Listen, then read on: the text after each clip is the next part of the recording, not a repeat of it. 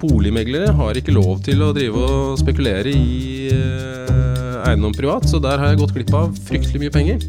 Så hadde jeg i tillegg en mor som satt av på den tiden i kommunestyret for Høyre. Sånn at på ungdomsskolen så ble jeg vel klappet litt på hodet av lærerne mine og sa at ja ja, dine meninger de vet vi hvor kommer fra. Spesialiserte jeg meg på dyre bad på Frogner. Bak fasaden med DJ og Rønne. En podkast fra Estate Media.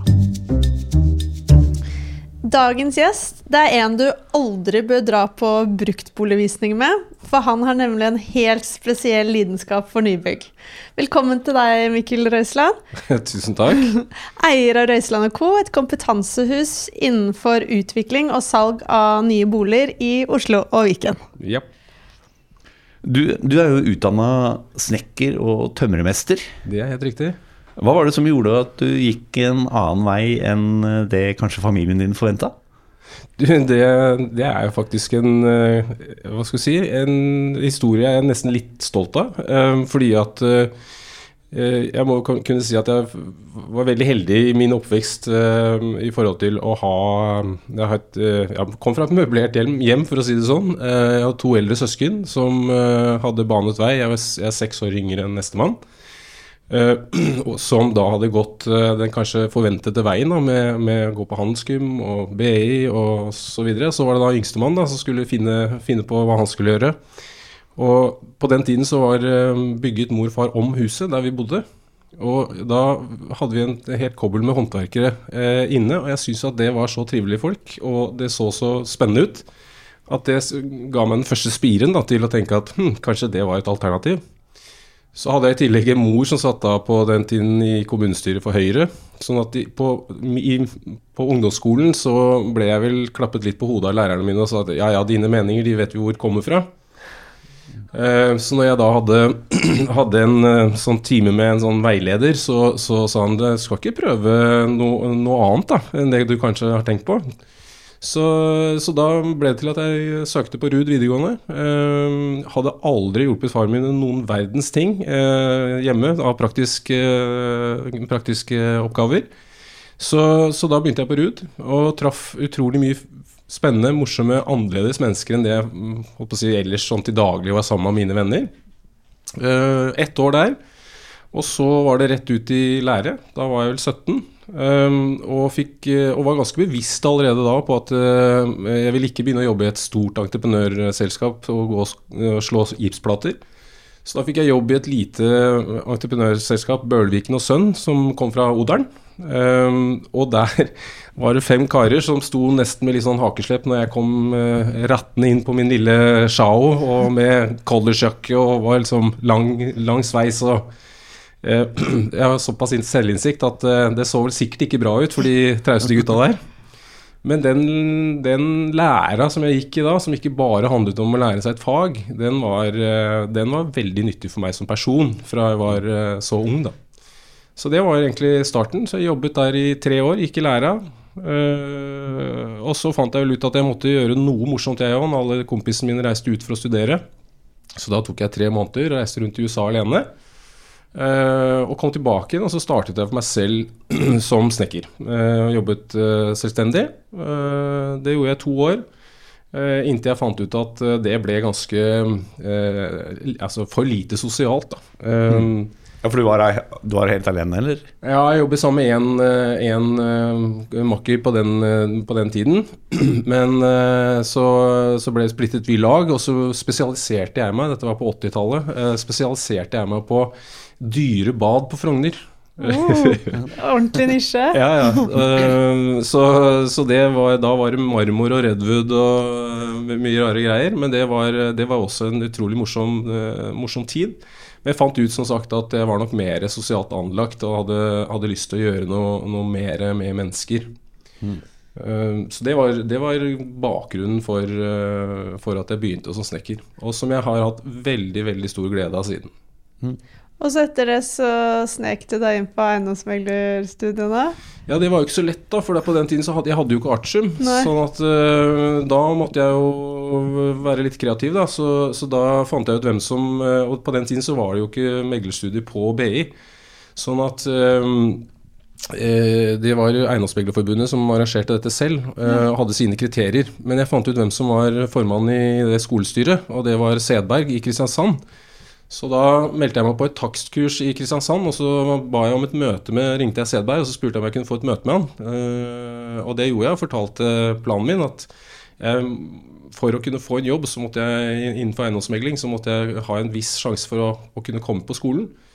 Og det, Jeg tror han ble litt satt ut av at jeg hadde kjørt ned til Kristiansand. Jeg sa jo ikke at jeg var der samtidig for et takskurs, men jeg tror han ble litt imponert over det. Så, så når jeg da endelig fikk en jobb, jeg bare ringte på dørene hos de forskjellige meglerne, så fikk jeg jobb hos Sundsten eh, den, den gangen.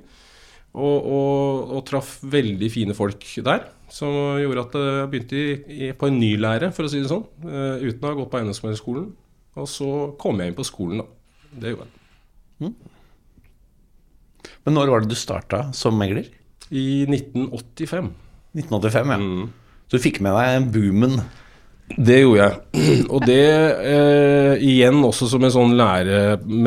Hva skal vi si for, for, Det var jo en utrolig tøff tid. Jeg fikk med meg liksom to år med, med alt gikk rett i værs. Eh, det var jo en låneorgie, for å si det sånn. Altså Du ble jo kastet penger etter på den tiden, og børsen gikk til værs. Um, og når det bråstoppet, så, så eh, var det ikke det var ikke veldig morsomt å ringe på døren hjemme hos folk som satt og gråt fordi de måtte selge boligen sin. Uh, og du visste at du fikk ikke solgt den på de første fire annonsene, så det var liksom bare å, å ta den tunge telefonen hver gang. At det gikk ikke denne gangen heller, og vi må ned uh, x antall prosent for hver gang. Og til slutt så måtte de bare selge, og forhandle med banken måtte vi gjøre. Um, så de, de, årene der fra, fra, 89 til 93, uh, eh, de var faktisk ganske så tøffe, altså. Er du litt glad for at uh, det var den perioden du startet opp i? For du må vel ha lært Uh, ja. Veld, veldig. Altså, jeg, hva skal jeg si at jeg har vel alltid vært sånn at én ting er faget og det yrket, men jeg synes jeg har alltid vært veldig interessert i hva skal jeg si, hvordan livet er og hva, hva Ikke noe sånn veldig avansert, men altså, jeg ganske sånn, prøver å reflektere en del over sånne ting, og det har jeg alltid gjort. Og, og, og, det er klart at det preger jo altså Jeg var jo ikke mange og 20 år på den tiden, og, og hadde jo da sett mange som hadde hatt det moro eh, med å, dyre biler og champagner og alt mulig rart. Heldigvis så var jeg ikke gammel nok til å hive meg på det, det toget. Eh, sånn at jeg kom jo godt igjennom det selv, annet enn at det var hardt arbeid og lite betalt. Eh, men, men også se den siden av, av voksenlivet, da, for å kalle det det, det var utrolig viktig lærdom som, som, som jeg har for så vidt uh, tatt med meg videre, og kanskje preget meg også i den forstand at jeg har jo ikke vært den store gambleren. Altså sånn i forhold til å Jeg, jeg kunne på et eller annet tidspunkt gått ut som mange andre meglere og blitt uh, investor og utbygger, uh, prøvd meg på det. Men, men har liksom aldri, aldri vurdert det så langt, da. Men hvordan er det sånn ja, å være megler under de tidene Du var litt inne på det, men mm. sånn, går det inn på deg? Og Sover du godt? Definitivt. Eh, det, det var eh, Ja, eh, veldig. Jeg malte faktisk Jeg har malt ett bilde i hele mitt liv, og det var, det var på den tiden der. For en venn av meg, Georg, han Uh, inviterte oss gutta på en, en, middag, og så hadde han, når vi kom dit, så hadde han satt opp fire staffelier. Og og noe maling. Og så skulle vi, vi, male. Ingen av oss som hadde jo altså, vært i nærheten av å gjøre det tidligere. Men da malte jeg et bilde som jeg har på, på loftet fortsatt. Og for å si sånn, det var ganske mørkt. Men det var en graf eh, med en pil som gikk opp til slutt, mot en sol. Sånn at jeg har vel alltid vært en, en hva skal vi si, en, en pessimist med et eh, optimistisk tankesett, da. Men ser du noen andre kriser nå under oppseiling? Altså det, det, er klart man gjør det. Altså, for å si det sånn, når, når pandemien slo ut uh, og, og i 2020, og, og vi satt da 12.3 uh, og, og fikk den beskjeden om at landet stengte ned, så må jeg jo si at jeg fikk jeg den perioden litt i revy som vi opplevde på, på slutten av 80-tallet. Um, så, men nå ble jo det kompensert med en uh, rentenedsettelse og en, en, optimisme fordi vi bor i et så trygt og godt land som vi gjør, som vi ikke, ikke forutså. Det tok liksom åtte uker, og så var det bare full fart igjen. Eh, nå uh, syns jeg det er verre, fordi eh, vi, har, vi fikk jo ikke tid til å se helt konsekvensen av den koronaperioden, sånn rent eh, samfunnsmessig økonomisk, før den krigen slo inn. Um, og, og nå er det et, en stor utfordring i forhold til uh, råvaretilgang, uh, og ikke minst da produksjon, som gjør at, uh, at entreprenører akkurat nå tør jo ikke å gi noe fastpris. Det øker jo risikoen for utvikleren, og den risikoen er så stor at vi kommer til å få prosjekter nå som må bare bli satt på hold. Det, så det, og det er ikke bra for markedet, på, på flere måter. Det har vi faktisk tenkt å snakke om litt mm. lenger inn i Ja. podden. Eh, men eh, vi har hørt at du har en ekstrem passion for det du driver med, og at du alltid har hatt en spesiell lidenskap for nybygg. Eh, hva er grunnen til det? Nei, det, det henger jo Hva skal vi si For å være da, gå litt tilbake i barndommen, så, så jeg er født og oppvokst i Asker. Eh, innerst i en vei som het Granveien, og det var ikke tilfeldig at den het det, fordi der var det ikke noe særlig mange hus, og det var veldig mye grantrær. Og når jeg gikk til skolen, så var det vel meg og ekornene, som jeg pleide å si, som, øh, som jeg hadde selskap av. Eh, og det gjorde jo at jeg hadde eh, jeg, var jeg hadde ikke mange lekekamerater sånn utenom skole på barneskolen. Og, og det eh, skapte nok et grunnlag for en kreativitet da, eh, som, som jeg har tatt med meg videre. Eh, og, og, eh, og, og da når jeg fortsatte med som tømrer, det å skape noe, det å se at det er noe som, som blir igjen eh, etter den arbeidsdagen du, du er ferdig med, Ehm, og den prosessen som det samspillet var da når jeg jobbet hos Bølvik med disse herlige kara ehm, jeg mener, Summen av det er egentlig at jeg ble bare glad i, i, i den retningen. Det, det som hadde med å skape, og da spesielt hus, da, eller bygninger og boliger. Um, og det, det har bare bare vokst på seg, liksom. Og så har jeg nå verdens beste jobb. Uh, så det så Å få være med på så mye spennende ting Så, så, så det, jeg vet ikke. Det er vel kanskje derfor jeg havnet der jeg er nå, da. Da tar vi en kort pause for å minne om at BN Bank er spesialisten på finansiering av næringseiendom i Oslo-regionen. BN Bank er en rendyrket eiendomsspesialist og kjennetegnes av hurtighet, fleksibilitet og forutsigbarhet. Gode løsninger sikres gjennom medarbeidere med høy kompetanse og sterke relasjoner til kundene. Kontakt BN Bank nå. Det er jo skapt ganske mye nede i Bjørvika, og eh, dere har vel solgt stort sett det som er av leiligheter der. Hvordan har det vært å følge utviklingen i det området? Du, det har vært helt, helt fantastisk. Det er sånn at jeg må klype meg i armen og gjøre det fortsatt. Um, nå I 2007, når, når eh, Per Lødden og Oser kontaktet meg, uh, da, da hadde jeg sagt opp i Kroksvenn og hadde lyst til å begynne helt scratch igjen, tilbake igjen til prosjektene. Ehm, så ringte de med en gang og lurte på hva jeg skulle, og så sa jeg at det, det vet jeg ikke helt. Det var 2007, og da var det ikke så mye som ble solgt, for å si det sånn. Så da begynte jeg rådgiv, bare med rådgivning. Um, og da sa jeg da, da må du bare komme deg hit, for nå må vi begynne å tenke boliger. Uh, da var de i gang med de første byggene i Barcode. Eh, og det å få lov til å være med på den utviklingen fra Bisplokket stå der med motorveien eh, susende forbi og rundkjøringen, og, og til å se hva det er i dag, det er jo sånn at jeg, jeg har nesten ikke ord for det, egentlig. Hadde du trodd at det kom til å bli så bra? Eh, nei, ikke så bra. Jeg hadde aldri trodd at det skulle være mulig å bade i Bjørvika. En, en megler som ser at det blir mye bedre enn det du tror, det, det er ikke så vanlig. Nei, men nå må jeg også si at uh, Oslo S Utvikling, som nå består av uh, har bestått uh, Nå er det altså Bane Nor, Entra og, og Lindstov. Når du, når du har eh, utviklere som med det samfunns, tar det samfunnsansvaret som de valgte å gjøre, og ikke minst eh, hadde et økonomisk grunnlag for å kunne bygge ordentlig. Eh, det, det, er, det er jo ikke Det, er, det skjer jo ikke eh, hvert år, det, for å si det sånn.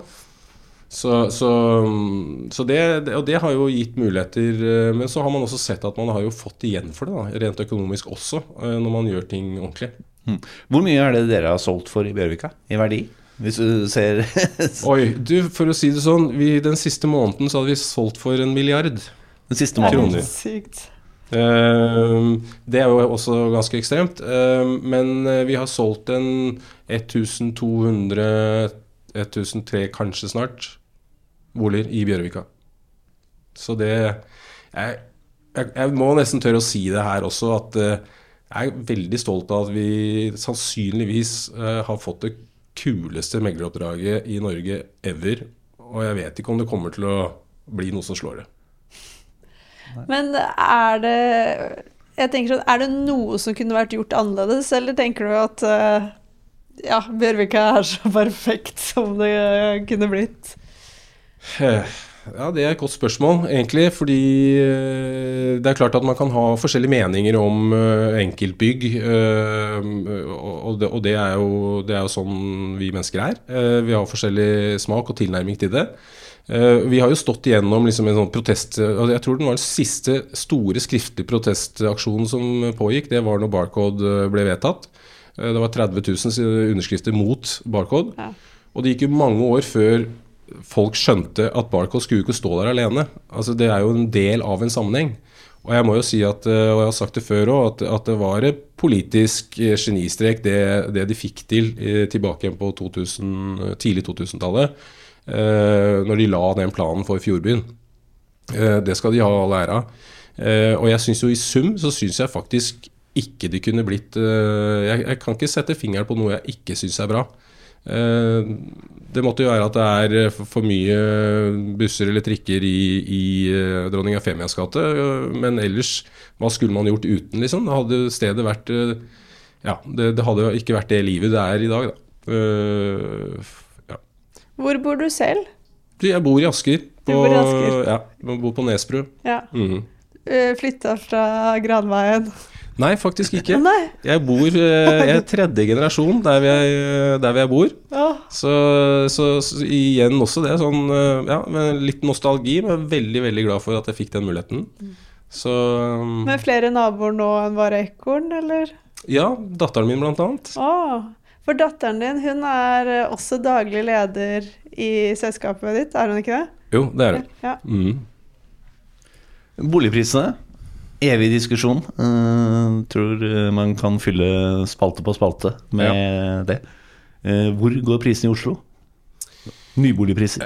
Nyboligprisene de, de utvikler seg ikke lineært, men i mer et sånn trinn. Um, og vi har hatt en, en Altså i Vi har hatt en, et, et trinn som har gått nå uh, det siste året.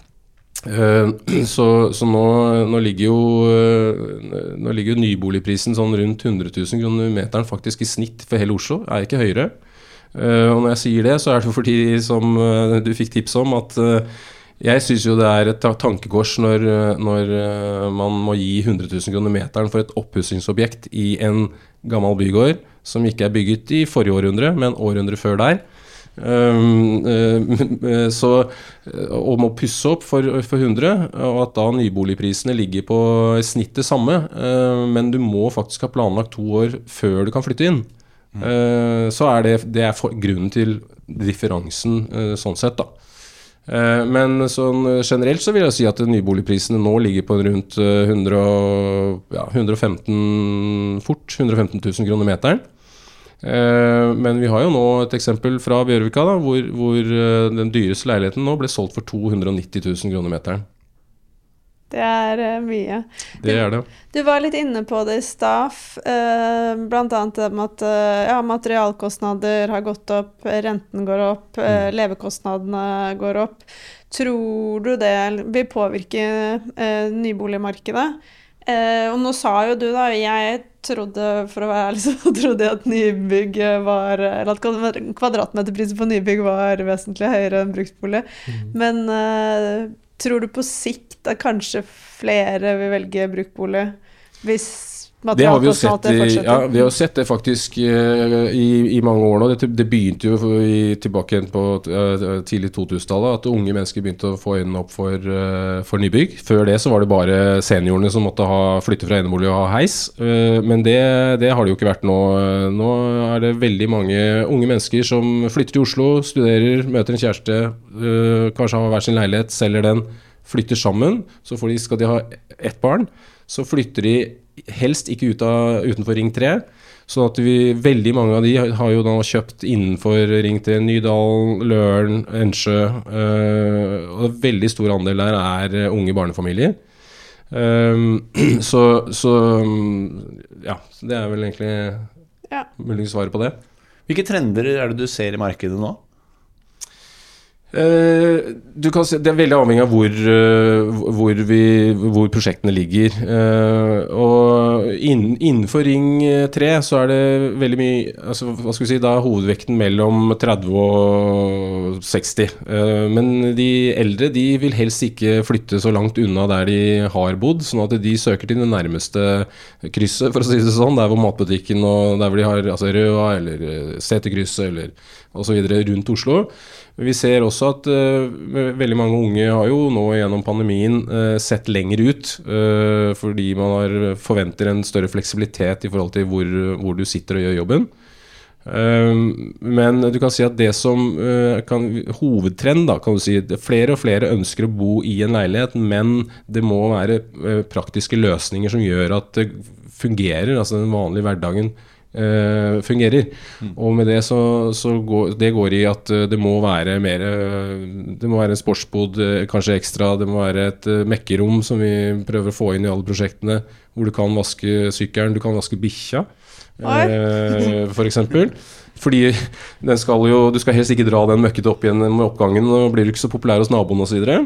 så at man tenker på, når vi utformer og gjør innspill til arkitekter, så er det liksom å få den der sømløse hverdagen for litt aktive mennesker.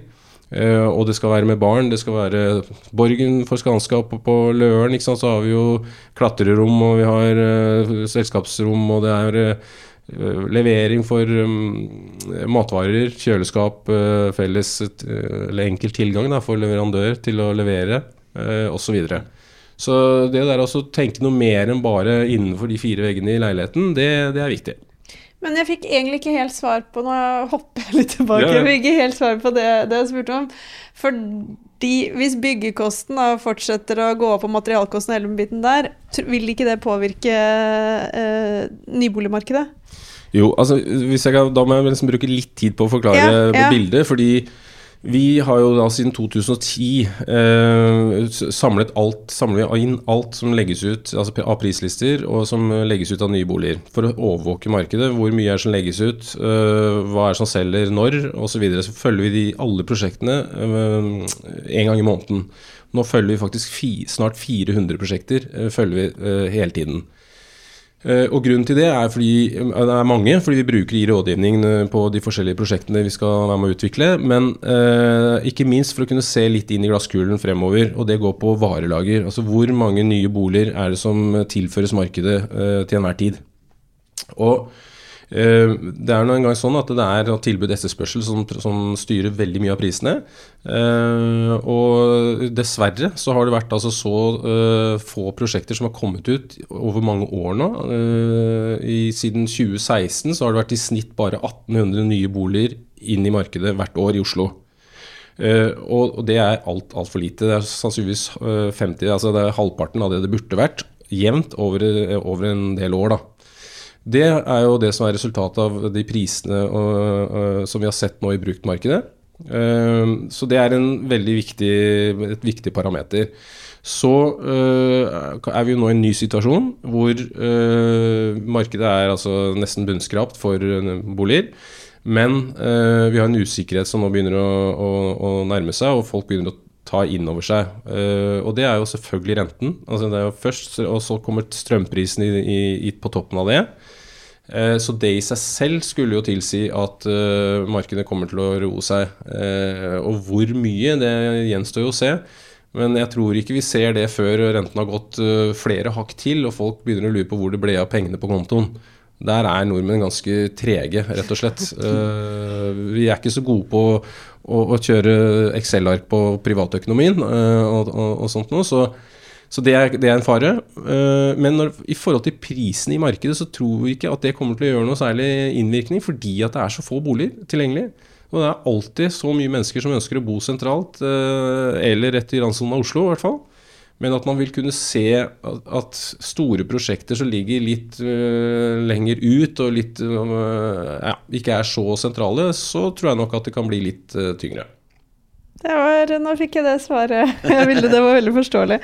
Um, I den siste så har man jo snakket mye om Det har kommet mange nye teknologiselskaper bl.a. som skal inn og gjøre salgsprosessene enklere. og Benytter dere dere noe av eh, sånn type tjenester? Eh, ja, altså du kan si at eh, det er jo en, eh, er jo en eh, Hva skal vi si Veldig mye positivt, og så er det eh, veldig mye Kall det Ja, hva skal vi si Det er jo mange som prøver forskjellige varianter, da. Vi sitter så sentralt i hele prosessen på et prosjekt, i og med at vi er inne helt fra reguleringsstadiet og er rådgiver på Jobber jo sammen med entreprenøren og arkitekter og alt mulig rart. Så vi er jo inne i alle faser. Uh, og det som er utfordringen med en del av disse leverandørene som kommer opp med nye Proptech-løsninger, er at de, de, ser ikke helheten. Sånn at det blir veldig fragmentert. Uh, og det, ene passer ikke da med det neste leddet. sånn at det, det, er en, det er en utfordring.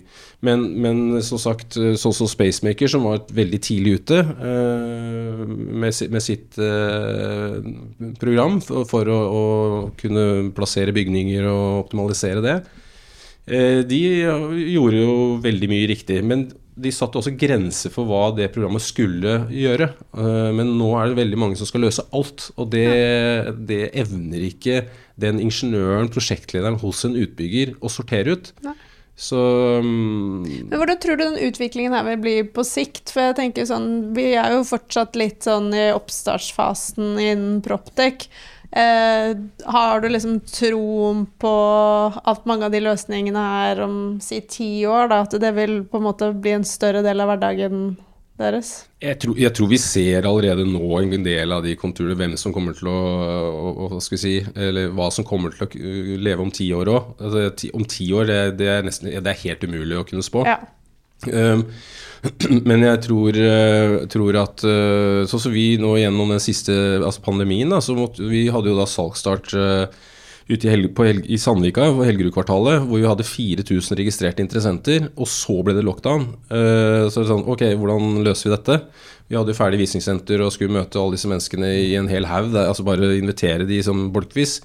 Så det gikk jo ikke. Så da måtte vi jo selv uh, få laget et, et uh, digitalt visningsprogram hvor vi, fikk, hvor vi tok BIM-modellen til arkitekten, og så la, fikk vi en annen som kunne legge et nytt program oppå det igjen som gjør at vi kunne kjøre digitale visninger i, uh, og da var det oppe i 100, Vi hadde vel fire sånne seanser med 150 mennesker som satt live og, og hørte på meglerne som sånn Én satt og styrte modellen, hvor du kunne bevege deg rundt på utsiden. Du så solbanen, og du kunne gå fra den ene balkongen til den andre. Og så måtte vi avtale én-til-én-visninger. Uh, for det handler jo om menneskelig kontakt. Altså det, det som uh, Dette er det største folk gjør. Og, og, vi har ikke noe Altså, vi ønsker ikke at kunden for vi eh, skal kunne sitte og ta en avgjørelse alene basert på nettinformasjon. Um, og det ønsker ikke kunden heller. Og det er det som og det samme, det samme på tilvalgssiden. altså Når folk har kjøpt, og så skal de få lov til å gjøre sin personlige tilpasning, så er det jo mange som tror at jo, nå finnes det mange eh, digitale løsninger for at de kan bare gå inn og så kan de velge, og så slipper utvikleren eller entreprenøren til utvikleren å snakke med kunden. Det er helt feil. Så, så, du tror ikke helt på denne digitaliseringen av uh... Jo, jeg tror på den, men jeg, jeg tror du må, du må, vite hvordan og hvem du skal bruke. Og så må du ikke svelge de der hele pakkene, for eh, det, det, i hvert fall, det er i hvert fall sånn vi jobber. At vi, vi plukker uh, enkeltelementer uh, og setter det sammen, sånn som vi mener at det fungerer best, basert på hva, hvordan vi opplever kundene. Mm. Fordi det er jo det er jo ikke veldig mange i eh, boligsalg, eh, nybygg, som snakker med kundene sine. Altså Det er jo det som er eh, og hvert fall altså, som sitter og utvikler eller leverer, eh, leverer disse nye Proptech-løsningene. Men det gjør jo vi. Vi snakker jo med 10 000 mennesker i året, så, så vi får jo reaksjonene deres. Brekkhus advokatfirma rådgir norske og internasjonale kunder innen en rekke sektorer. Våre eiendomsadvokater kjenner eiendomsbransjens muligheter og utfordringer, og bistår ulike aktører i utviklingsprosjekter, transaksjoner, megling, utleie og tvisteløsning. Vil du høre mer? Kontakt oss på post at breikhus.no. Har du investert i flere boliger privat? Nei, vet du hva, der eh, må jo vi som eiendomsmegler underlagt Finanstilsynet, boligmeglere, har ikke lov til å drive og spekulere i eh, eiendom privat, så der har jeg gått glipp av fryktelig mye penger. For du tror det er en god spareform? Altså Det er jo det, altså det beste tipset og rådet jeg kan gi til i hvert fall foreldre som skal hjelpe førstegangskjøperne inn i boligmarkedet, så har jo i hvert fall, for å ta et lite forbehold, det er jo at uh, de siste 20 årene så har det å kjøpe en uh, leilighet på kontrakt med levering om to og et halvt år før poden kommer hjem fra studier og skal etablere seg, det er vel den beste investeringen og hjelp noen kan gjøre. Fordi eh, historisk sett så har de 10% som man må betale inn eh, Hvis du låner poden i de 10% i de to årene som står på meglers konto, så har det doblet seg eh, Altså de 10% de, de får du tilbake som foreldre, og poden har 10% i egenkapital. Så, så det er en fornuftig boligplanlegging. Um, så, så, men rent må jeg jo si at selv om jeg er eiendomsmegler, så mener jeg jo at man, man må kjøpe for å bo. Uh, og da skal du ha råd til å, å, å, bo der over tid, og du skal se etter kvaliteter som gjør at du tror du vil trives, og ikke bo der i. Apropos barn. Eh, vi har jo snakket med et av barna dine, Mikkel Herman Røisland, som jobber i Stor-Oslo Eiendom. Han har fortalt meg at uh, du har vært en veldig aktiv og ivrig alpinpappa. At du var trener for hans årgang da han var yngre, og at du satt oppe om nettene for å se den andre sønnen din kjøre renn i USA, bl.a. Og som vi var inne på tidligere, så er jo datteren din også daglig leder i selskapet ditt nå. Mm. Uh, hvor viktig er familie for deg? Det betyr vel alt. Um, um, ja uh, For å si sånn, jeg hadde så glede av uh, Når jeg var, på barneskolen, så hadde jeg veldig glede av at jeg var så relativt god sånn motorisk. Uh, og følte at jeg fikk veldig sånn respekt for det. Så tenkte jeg at når jeg fikk barn selv, så tenkte jeg at fader det, altså idrett Hvis jeg skal kunne selv bidra med noe positivt overfor mine barn, da, ikke overlate det til lærere eller andre foreldre, så må jeg liksom Da må jeg engasjere meg. Um, så, så, det har vel egentlig vært uh, min kone og, og min sånn, tilnærming til det å, å ha å, hva skal vi si, god kontakt med barna. Uh, og ikke minst en utrolig fin måte å bli kjent med dem uh, fra de er bitte små og begynner å bli litt større. Altså, så det jeg gjorde med alpint, det var jo at, eh, det var at jeg hadde faktisk 40 barn eh, som fra de var 9 år til de var 14-15 i Bern skiklubb. Da hadde jeg med meg yngre trenere. Da hadde fire sånne hjelpetrenere. Og så var jeg organisatoren eh, for det. Og målsetningen der var at ingen skulle slutte. Altså var, vi, vi, hadde de tapetserte jo når de ble litt eldre, da, pallen, liksom. Men vi hadde også med de som bare var med for glede. Og det var fordi vi aldri skilte de i, i grupper på prestasjon, men på innsats. Så, men i, i, forhold til barna mine, da, så, så er jo altså Det der med å, å, være på en Om det er idrettsarena eller om det er korps, eller spiller ingen rolle, men det å se sine egne barn i eh, samhandling med andre barn eh, opp igjennom, tror jeg kanskje er den beste måten å bli kjent med dem på. Og så kan du også snakke med dem om situasjoner som du selv har sett at de har vært i. Uh, rett i etterkant. Uh, og det er vel kanskje det viktigste for meg, tror jeg. Eller har vært, da. Og er fortsatt. Vi har jo superkontakt.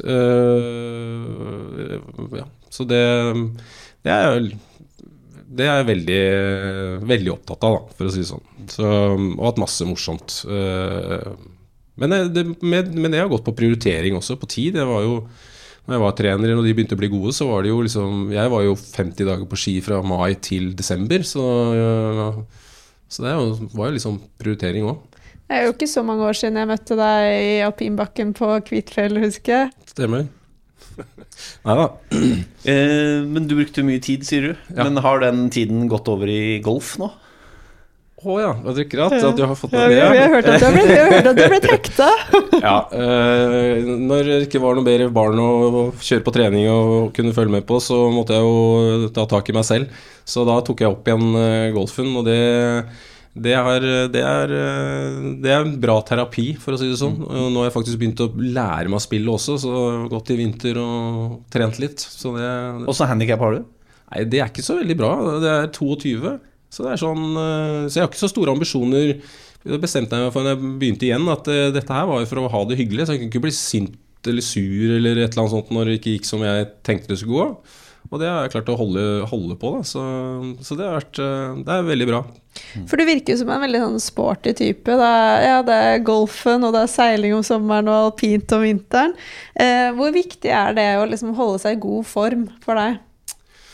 Eh, jeg, er ikke, jeg er ikke noe sånn som går og trener på treningsstudio to-tre ganger i uka eller løper, må løpe. Jeg har ikke noe program på trening, uh, faktisk. Uh, men jeg er veldig aktiv. Jeg gjør det jeg har lyst til å gjøre. Enten om det er å når det var gjennom barna, så var jeg jo på ski hele tiden og, og, og så videre. Men, men eh, jeg, det er mer det å være ute. Så har jeg et bikkje, gått masse lange turer eh, og, og gjennom uka og vært i aktivitet, liksom. Eh, men det er ikke noe mer Jeg er ikke noe sånn treningsfanatiker, nei. Det er ikke noe Birken eller noe sånne ting for meg. det er det ikke. Men, men hva er lykke for deg? Åh, lykke eh, Det er jo mange forskjellige Men sånn helt personlig, hvis jeg skal si den største lykkefølelsen, er vel egentlig når jeg har eh, pakket eh, bagen og seilbåten, og det er 1. juli, og bare legger fra brygga og ikke vet helt hvor jeg skal de neste to ukene. Bak fasaden med DJ og Rønne.